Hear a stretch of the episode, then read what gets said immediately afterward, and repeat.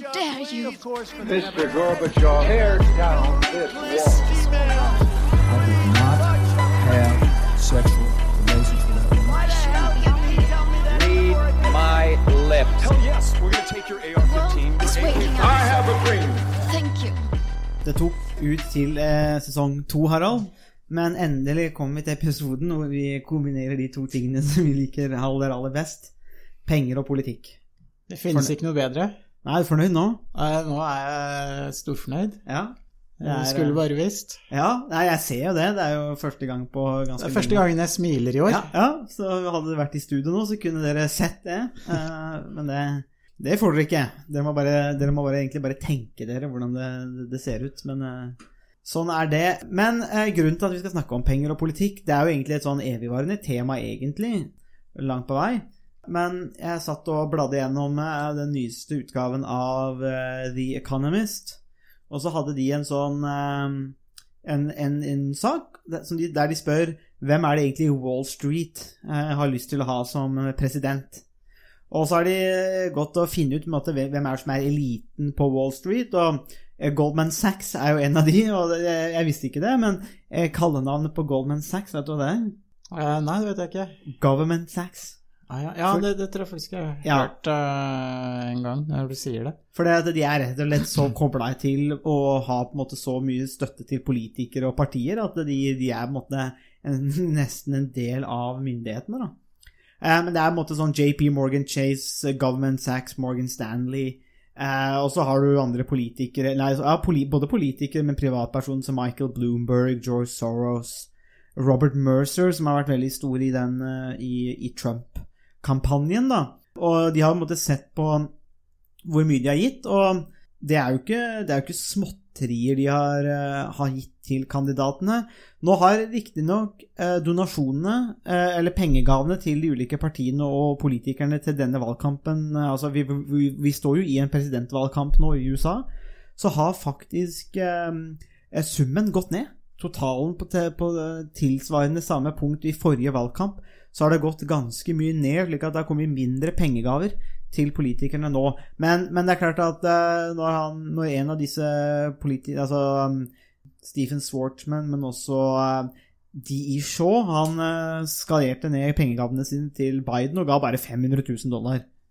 Og pleier vanligvis å ligge rundt en million dollar, da, men de har gitt, de har gitt i 2016 til de to ulike kampanjene så ga de 130 millioner dollar. Så vi, nå i dagens litt sånn elendig kronekurs for oss, så må vi kanskje gange dem rundt ni. Ja, vi må nok det. Så 1,1-1,2 millioner milliarder i Ja. kroner. Og det er jo en god del, eh, vi får si det sånn. Så det er jo ingen tvil om at penger spiller en rolle her. Og så har jo også litt det der med de der eh, pengegavene som går til partiet nå, er jo et eget system hvor man på en måte gir, gir penger, og så under liksom et eh, ja, et system som eh, gir en liten sånn sky over, vil jeg egentlig si. Det er ikke en sånn direkte pengegave, men det er indirekte, og så blir det da donert ut, eller kanalisert ut, da. Så det er jo mer penger. Dette var penger direkte til eh, valgkampen. Og så har du kongress, og så har du senat, så det er jo ganske det er mer penger enn det her det er snakk om, da. Og USA er vel kanskje det landet hvor dette her er mest utbredt òg, men eh, jeg tenker vi kunne jo ta en diskusjon om det her, fordi at eh, det er potensielt ganske viktig, og ikke minst fordi at når man får inntrykk av noen ganger av den amerikanske valgkampen, så er det litt sånn at eh, ja, du må ha en viss mengde penger før du nesten kan stille som president. Eller så, så for, å, for å kunne være politiker, så må du nesten ha en viss mange millioner dollar i ryggen, da. Men på litt sånn overordna basis, skal vi starte der, kanskje litt sånn overordna med penger i politikken, Harald. Hva, hvilken, hvilken rolle spiller det? Det er jo Temaet i dag er egentlig måte, hvilken rolle spiller det, og hvilken rolle bør det spille, da. Så jeg vet ikke hvor du vil starte der. Ja, uh, si det. Uh, det, er, det er veldig eh, brede og vide spørsmål uh, Ja. som, vi, som vi tar opp i dag. Eh, og man kan jo si altså, Hva er alternativet til at penger skal eh, spille en, en viktig eh, rolle i politikken? Eh, hvordan, ville det, hvordan ville politikken sett ut eh, uten eh, mulighet for politisk reklame eller å bruke ressurser på å påvirke velgerne? Mm. Eh, Så det her er jo et veldig, på en måte så er det et veldig grunnleggende spørsmål. Eh, for eh, hvordan eh, samfunnet skal se ut, og også hvordan politikken skal, skal utformes. Så i dag, i USA i hvert fall, så er det å, det å mm, gi penger til politikeres valgkamp Det er jo en del av ytringsfriheten, og det har jo Høyesterett i USA bestemt at er innenfor rammene av ytringsfriheten. Mm. Så når man tolker ytringsfriheten på den måten, så åpner man også opp for at penger kan eh, flyte ganske fritt i det politiske systemet. Eh, Og som du var inne på, eh, konsekvensen av det er at man som politiker trenger solid finansiering for å kunne bli, bli valgt i det hele tatt. Så veldig mye av oppmerksomheten til politikerne går til å skaffe sponsorer. Mm. Eh, Så istedenfor å fokusere på eh, de politiske sakene, bygge allianse med andre politikere, eller fremme sin eh, egen politiske plattform, så fremmer man den indirekte gjennom å finne sponsorer og få finansiering av eh, sin egen politiske virksomhet. Så det betyr at politikerne må være dyktige på eh, rett og slett finansiering. Mm. Eh, og det, det kan man jo Er det veldig lett å kritisere eh, det perspektivet. Eh, og noe av det som, eh, som kan være svært kritikkverdig, er jo hvis man får penger fra en sponsor, så kan det kanskje komme med en forventning om at man skal stemme for eller mot et bestemt lovforslag, eller Ja. støtte et bestemt politisk eh, ståsted. Eh, For det som, eh, som skjer når man mottar penger fra, mm, fra sponsorer, er jo at de sponsor, sponsorene får et slags leverage, eller at de får en, en viss makt mm. over deg som, som politiker. For hvis du ønsker å bli gjenvalgt, og stemmer mot eh, den politikken som, eh, som sponsorene ønsker å fremme, eh, så vil du antagelig miste en del av finansieringen din. Mm. Og da kan jo andre kandidater få mer penger, som betyr mer TV-tid, reklamer. eh, Du kan reise flere steder, du kan prate med flere, du kan ha et større valgkampapparat som eh, ringer og sender meldinger og banker på døra til, eh, til folk. Eh, Og, men er det Spiller penger da en annen rolle i USA, nettopp fordi de, de har et litt annet politisk system enn vi har i Norge? altså det er jo det er, det er nesten litt sånn at altså det, går jo, det går jo politiske partier på dørene i Norge òg, men på en måte så er det nesten litt sånn uhøflig òg. Hvis liksom et parti kommer på døra mi hjemme, så er det nesten litt sånn Hva i alle dager gjør du her? Du skal drive politikk, ikke komme og plage meg hjemme. Mens i USA så virker det som at um, det er liksom en del av valgkampen, og da må man ha penger og rett og slett frivillige som man da kan Som da kjører ut og gjør den jobben. Så eh, tror, du, tror du på en måte at, pe- at penger spiller da en, en, en naturlig eh, større rolle i et slikt samfunn hvor måte, han har den kulturen? Ja, altså, man har jo en, kanskje en mer eh, utadvendt eh, kultur enn det vi har i, eh, i Norge. Mm. Eh, vi er jo innadvendte protestanter, de fleste av oss. På Borgerbund gods så står det jo skilt 'Vokt den for hunden'. Ja, blant annet. Ja, blant annet. Ja, det, er, det, er ting, det er ting jeg ikke har sett, men eh, det er tydelig at jeg har sluppet gjennom. Gjennom. Du, du har sluppet gjennom. Ja. Andre var ikke like heldige. Eh, Men poenget det, det som jeg har lyst til å, um, å si, er jo egentlig litt det at altså, i et stort land, som, i et stort samfunn som USA, så er det jo også Så trenger man jo naturlig nok mye større summer Mm. for å gjennomføre en, eh, en valgkamp enn det man, eh, enn det man gjør i Norge. Men, men det som jeg også har lyst til å si, er at det er veldig lett å kritisere den rollen eh, penger spiller i politikk, og tenke at det er noe negativt. Eh, og, men det vi må huske på, er at de aller fleste velgerne de skifter ikke parti. Eh, spesielt i den type politisk, politisk system som vi, eh, som vi ser i, eller som vi har i USA, hvor man har to store dominerende partier. Så det er veldig få velgere som egentlig eh, skifter fra ett valg til et annet. Mm. Eh, og veldig mange identifiserer seg med det republikanske partiet eller med demokratene, med utgangspunkt i at de, de føler en sosial og kulturell tilhørighet til, eh, til, det partiet. Så det er ikke sånn at vi som velgere er eh, eh, blanke ark eh, som eh, leser partiprogrammene og gjør oss opp en oppfatning om hvilke parti vi eh, vil stemme på, hvilke parti som tjener våre interesser. Det vi, det vi gjør, er at vi, vi, eh, vi, er en del av en eh, gruppe, eller en del av et eh, en, en, en, Vi tilhører en bestemt del av samfunnet, og folk som oss, i hermetegn, stemmer på det partiet eller har en tilhørighet til det partiet. Så det innebærer at det er ikke sånn at valgkampanjer og TV-reklame vil påvirke så veldig mange. Det kan påvirke noen.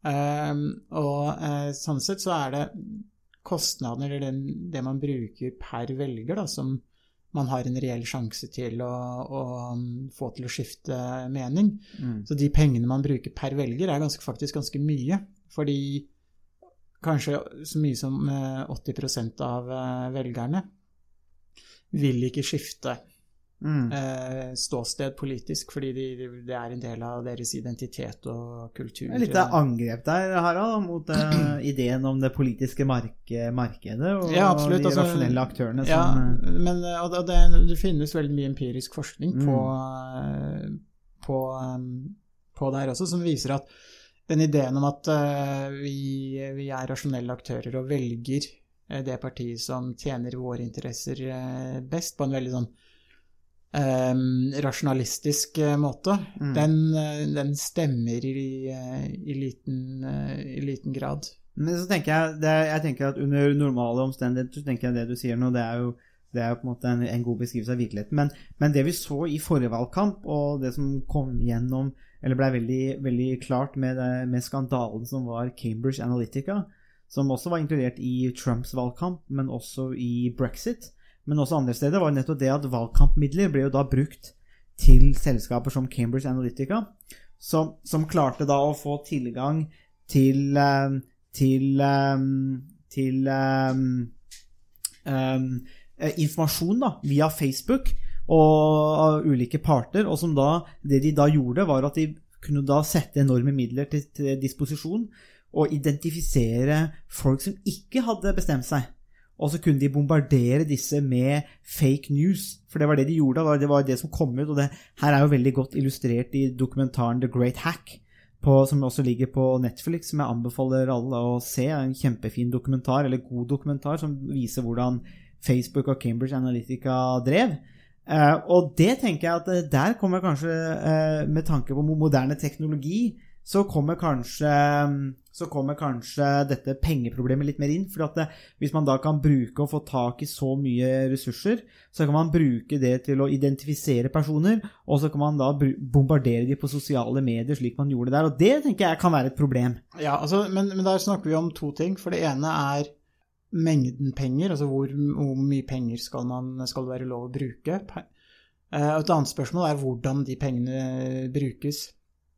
Eh, de pengene som eh, ble gitt til Cambridge eh, Analytica, var egentlig småsummer i forhold til hvor mye som ble, ble brukt i, i, hele valgkampen.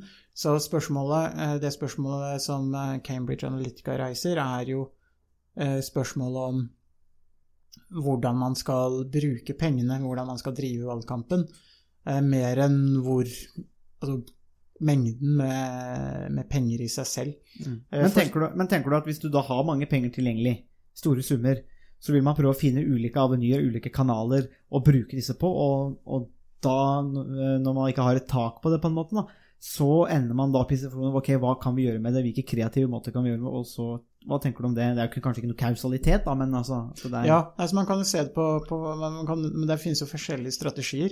Man kan ha en sånn teppebombestrategi Eh, hvor man pøser ut uh, ulike reklamer, ulike måter å, å nå velgerne på. Mm.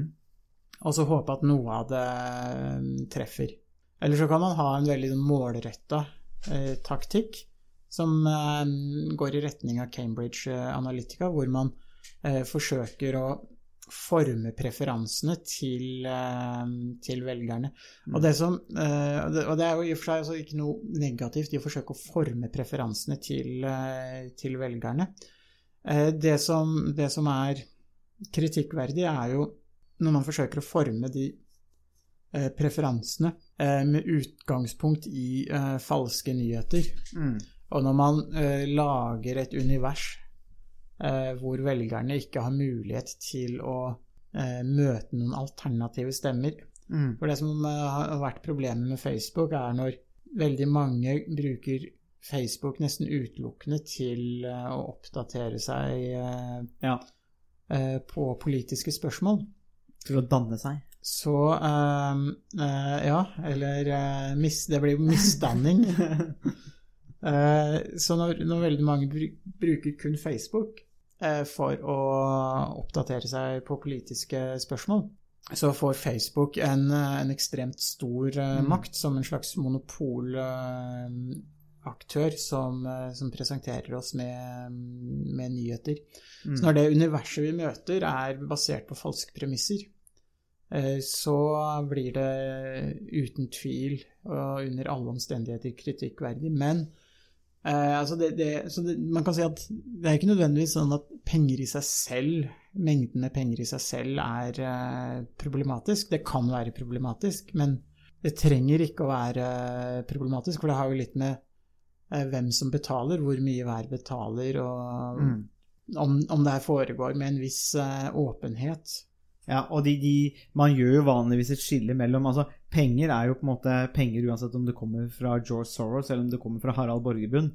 Uh, men uh, det som er interessant i USA, eksempel, er at der legges det veldig stor vekt på om det er grasrotinnsamling, eller om det kommer fra uh, veldig rike personer. Så da, da gjør man vel nesten en form for antakelse om at de som er, har mindre penger, som donerer litt av det lille de har, kanskje, det er på en måte mer en slags ærlig don donering av penger. Mens de som har mye penger, de donerer pga. at de skal ha noe konkret tilbake. Jeg det, det kan jo være en sånn antakelse folk gjør, da, etter om vi faktisk gjør det skillet. Men pengene er jo det samme i seg sjøl. Altså, dollaren er jo den samme om den kommer fra hvem som helst, men, men det er liksom intensjonen, da. Se- Ser vi ut til å gjøre et skille mellom, da. Men eh, jeg vet ikke om det er, er noe poeng i det. Men, eh, men kan man se for seg på en måte et politisk system Kan man se for seg et demokratisk politisk system uten penger? I, som, en, som en del av valgkamp, da. Eh, nei, jeg tror ikke det. For spørsmålet er jo hva blir da igjen av uh, valgkampen? Hvordan er det man skal gjøre det da? Da er det egentlig uh, et, et Da blir det en konkurranse om å få oppmerksomhet fra mediene, fordi det blir den eneste kanalen å nå ut på. Og I tillegg så blir man svært avhengig av frivillige til å stå på stand, til å dele ut flyers, til å, å gjøre mye av eh, det arbeidet som, eh, som eh, må gjøres. Så virkemidlene blir jo da veldig begrensa. Mm. Eh, og det er vanskelig å se for seg at eh, man skal kunne gjennomføre en valgkamp uten å ha mulighet til å, til å ha en, eh, en finansiering som er basert enten på gaver eller kontingent eller eh, annen form for eh, finansiering.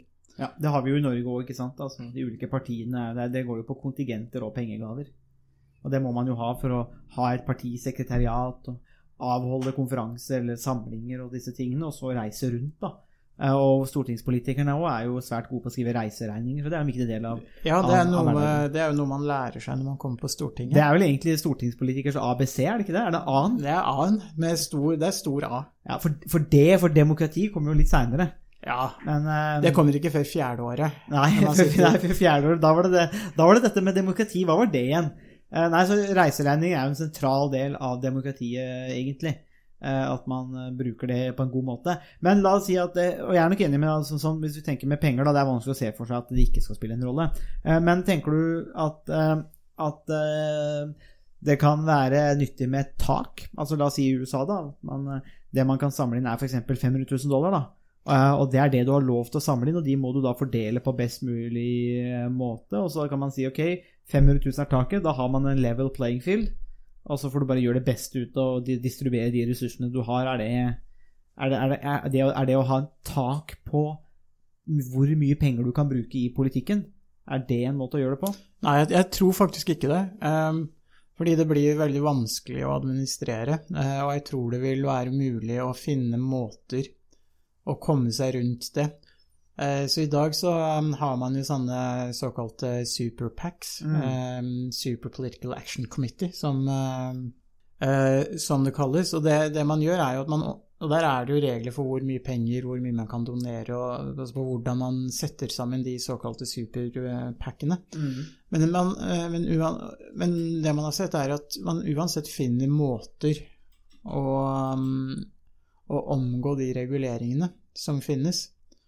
Eh, Så jeg tror ikke det vil, eh, det vil fungere i praksis. Det vil, bare det vil bare um, skape mer byråkrati, og det vil gjøre det mindre, kanskje mindre gjennomsiktig. Vet du at det er George Soros eller eh, Koch-brødrene som har finansiert den og den politikeren, så er det, en, det er jo mer en ærlig sak på en måte. Problemet er jo at man da kan kjøpe seg politisk innflytelse.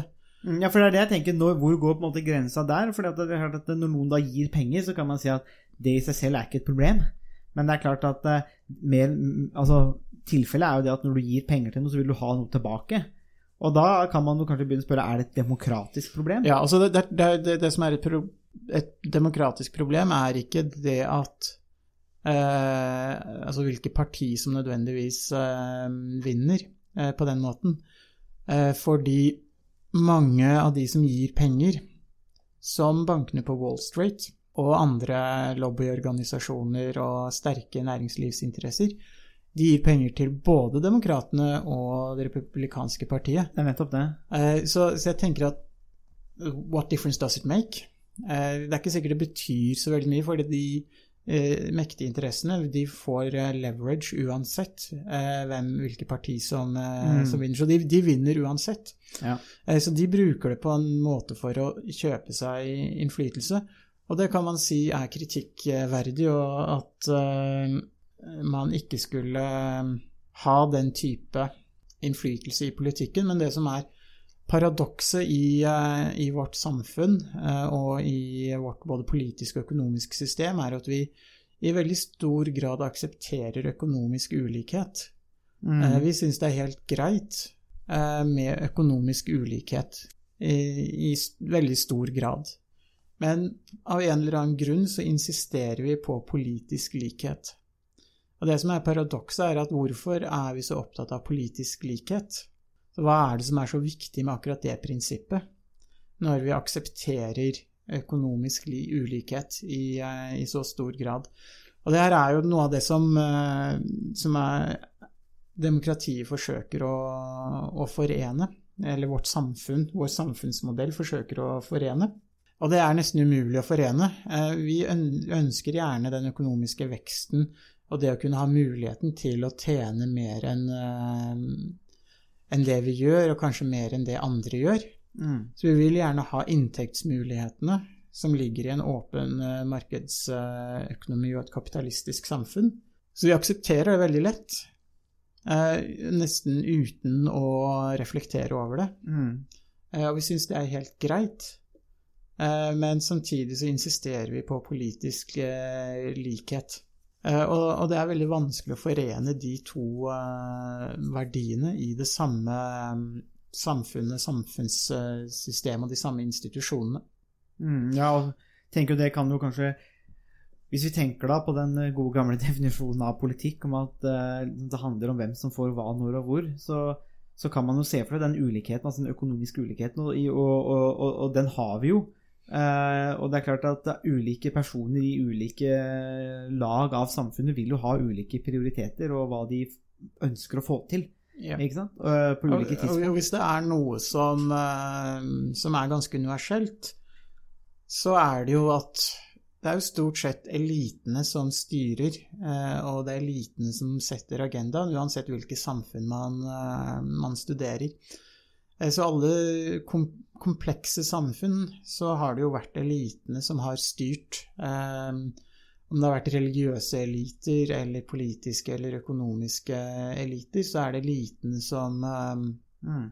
som har styrt, og det er det også i vårt samfunn. Og det vi kaller demokrati, er jo ikke et demokrati hvor det er folkestyre. Det er et, eh, en, en politisk, eh, et politisk system hvor det er elitene som setter agendaen, og elitene som, eh, som styrer. Og så har folket en anledning til å, mm, til å bytte ut noen av de elitene innimellom. Mm. Hvert fjerde-femte år. Mm. Så det, er, det, er, det politiske systemet vi har i dag, er ikke et demokrati i den bokstavelige forstanden som vi ofte tror, og som vi ofte um, innbiller oss at vi, uh, at vi har. Mm. Ja, det er jo uendelig fascinerende. Jeg, jeg, jeg tenker kanskje på at uh, det er i det rommet du nevner der òg, kanskje, at, at, dette med populisme kommer inn nå. Altså du, for du snakker på en måte om med dette med eliten og folket, og det er klart at uh, ja, hvem er elite, og hvem er folket? Det, det er jo en, en definisjonssak. Men eh, det er jo ingen tvil om at Trump og Boris Johnson, til tross for at å være en del av eliten, har klart å selge det budskapet. Eh, nettopp det der med at det er eliten som styrer og sånne ting. Og Trump prøvde jo også å si at nei, han hadde så mye penger, så han var på en måte fristilt fra de andre aktørene. Han trengte ikke valgkamppenger, for han var jo suksessfull og rik uansett, så han klarte seg veldig greit uansett. Så han prøvde jo på en måte å kjøre på det argumentet, da. At, at han ikke trengte disse pengene, og dermed ble fristilt. Så, uansett, så, så det som uansett hvert fall er en hva skal vi kanskje kalle det, et narrativ, en historie eller en oppfatning som i hvert fall ser ut til å ha satt seg, det er vel kanskje det der nettopp det med at man bruker penger til å kjøpe innflytelse, da. Um, at, og hvert fall fordi at når Trump da kan si at 'jeg har så mye penger at jeg er fristilt', da spiller han jo på et etablert narrativ eller historie som folk tror på, nemlig det at folk bruker penger for å kjøpe innflytelse. Og det gjør de jo, men, men, men det er klart til ulike grad. Og, det, og, så er det, og så er det spørsmål om innflytelse, men det, det, samme kan man si om andre partier. Så la oss gå f.eks. Altså når Stein Erik Hagen gir, eller andre gir så og så mange millioner til Høyre, så skjønner man jo hvorfor de gjør det. Det er rike folk gir, til, gir mye penger til et parti som støtter de rike. Men, men på den annen side så gjør jo Arbeiderpartiet det samme tradisjonelt med å ha kontingent. Samle inn penger som de bruker for å fremme sitt standpunkt. Hvem, politikk handler om hvem som får hva, når og hvor. Så det er jo egentlig Man prøver jo Man kommer bare fra ulik side, tenker jeg da, og prøver å bruke penger for å vinne innflytelse. Ja, så uansett hvordan man snur og vender på det, så vil det være umulig å fjerne pengenes rolle i politikken med mindre man har et helt annet økonomisk system enn det vi har i dag. Det er det ingen som egentlig ønsker. Mm. Det er ganske stor enighet om at man ønsker et slags markedssystem i en eller annen form, og så er det uenighet om hvor mye man ønsker å regulere det, det markedet. Mm. Men det er ikke noe spørsmål om man ønsker å fjerne kapitalismen som et økonomisk system. Så det man ender opp med da, er at vi må egentlig akseptere pengenes rolle i politikken så lenge vi har et kapitalistisk system.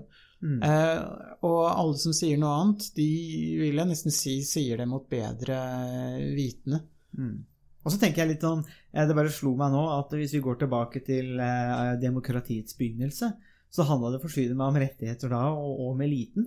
For da var det jo Aten bystat på ca. 300 000, og hvor 30 000 kunne stemme. sånn, sånn røftlig. Eh, og det var jo de med eiendom, penger og makt. Så det har jo egentlig vært en del av Det var jo ikke sånn at demokratiet starta i Aten med, med alle som jevnbyrdige, og så blei pervertert eh, gjennom årenes gang. Det starta jo egentlig med et ganske sånn elitistisk utgangspunkt. Da. Så vi, vi, trenger jo ikke å tulle med oss sjøl noe mer enn det at, enn at vi Og det er, det er, jo ikke så mange år siden kvinner i hele tatt kom inn i demokratiet. Sånn, så det der elitistiske og, og makt- og ressursperspektivet har jo alltid vært en del av, av demokratiet. Vi må ikke si noe annet. Nei, eh, så, så, det er jo et spørsmål om, eh, om makt til, til, syvende og sist. Mm.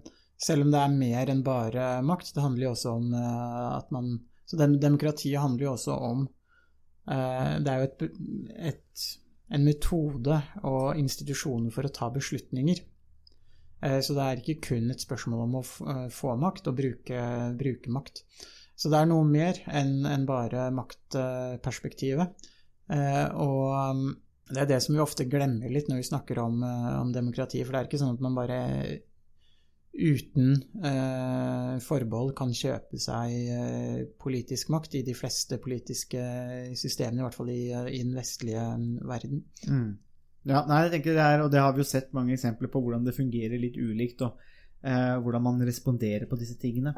Så, men det er vel ingen, ingen tvil uansett om at, eh, at penger Altså, det, det vil jo spille en rolle, må, men vi, vi ender kanskje opp på det der litt sånn kjipe statsvitenskapelige svaret, at det kommer helt an på kontekst.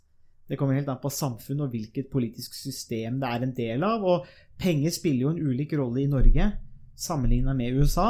Det er, det jo- altså, det er jo måte ukontroversielt, og noe har jo litt med det geografiske som du nevnte i stad. Det er mye større avstander og en annen politisk kultur som måte gjør at penger blir en naturlig, mer naturlig del av det òg. Det, det, det, gjør det absolutt. Og det som er, det som er det, noe av det mest negative med um, pengers innflytelse i politikken, er jo kanskje noen av de detaljene som gjelder lovgivning, hvordan noen selskaper, noen næringer kanskje får unntak fra Ja. eh, ulike lover, ulike bestemmelser, Mm. eh, fordi de klarer å, å føre en veldig sterk eh, lobby De har en veldig sterk lobbyorganisasjon som kan, som kan fremme sine synspunkter. For det er vel kanskje noe som vi kan avslutte diskusjonen med. Lobby og det med penger henger jo på en måte- sammen. Det at store aktører f.eks. kan sette av eh, store ressurser. Så én ting er jo på en måte å gi det vi har snakka om nå, er jo egentlig å gi pengegaver til politikere og sånne ting. På en måte så er ikke det fullt så kontroversielt. Man kan jo se at man kan bli på en måte kjøpt og bli en slags sånn klient, på en måte. Men vet man at noen er kjøpt, så er det Ja. i, det, i den i åpent uh, lende, og Ja. da kan man uh, forholde seg til det. Ja og, ja, og det er mer direkte. Men så har vi dette med lobbyismen, Uh, som kanskje er den andre siden av saken. Og den, den er kanskje mer alvorlig, fordi at, eh, tenker jeg. fordi at eh, det å gi penger til, en kandidat, det kan være åpent. Man kan vite at det er kjøpt og betalt på én måte, og man kan forholde seg til, sånn som du sier, at det er, det er ute i det åpne landskapet. Mens lobbyisme, altså hvem er det som går rundt på Stortinget eller på Capitol Hill og følger med på disse tingene? Eh, og så har du kanskje fem-seks eksperter, kanskje tidligere politikere. Man ser jo litt hvordan man driver i Norge òg, med, med First House og sånne ting. Eh, så man har mye kompetanse, kjennskap, vennskap. Også, men det handler jo om penger, men på en annen måte. Penger, At man kan sette av side til ressurser for å påvirke politikere, for å igjen da få gunstige politiske valg. Og det er kanskje hakket mer alvorlig? Eh, ja, og, det er delvis fordi at det, det er litt mer skjult enn eh, enn pengegaver. Eh, og delvis fordi eh, det innebærer at man kan kjøpe seg egentlig litt mer eh, direkte innflytelse under noen omstendigheter eh, enn en det man eh, kan gjøre ellers. For det å gi en pengegave til en politiker, da vet du ikke hva de pengene blir eh, brukt til. Men eh, når du eh, ansetter en eh, lobbyist, eh, så har du gjerne en, eh, en ganske detaljert plan for hva du ønsker å, å oppnå. Eh, Og akkurat den agendaen er jo ofte litt skjult, eller litt halvskjult. Og selv om det, det er jo åpent hvem som møter hvem i Stortinget. Eh, Så det er i og for seg åpent nok og gjennomsiktig nok.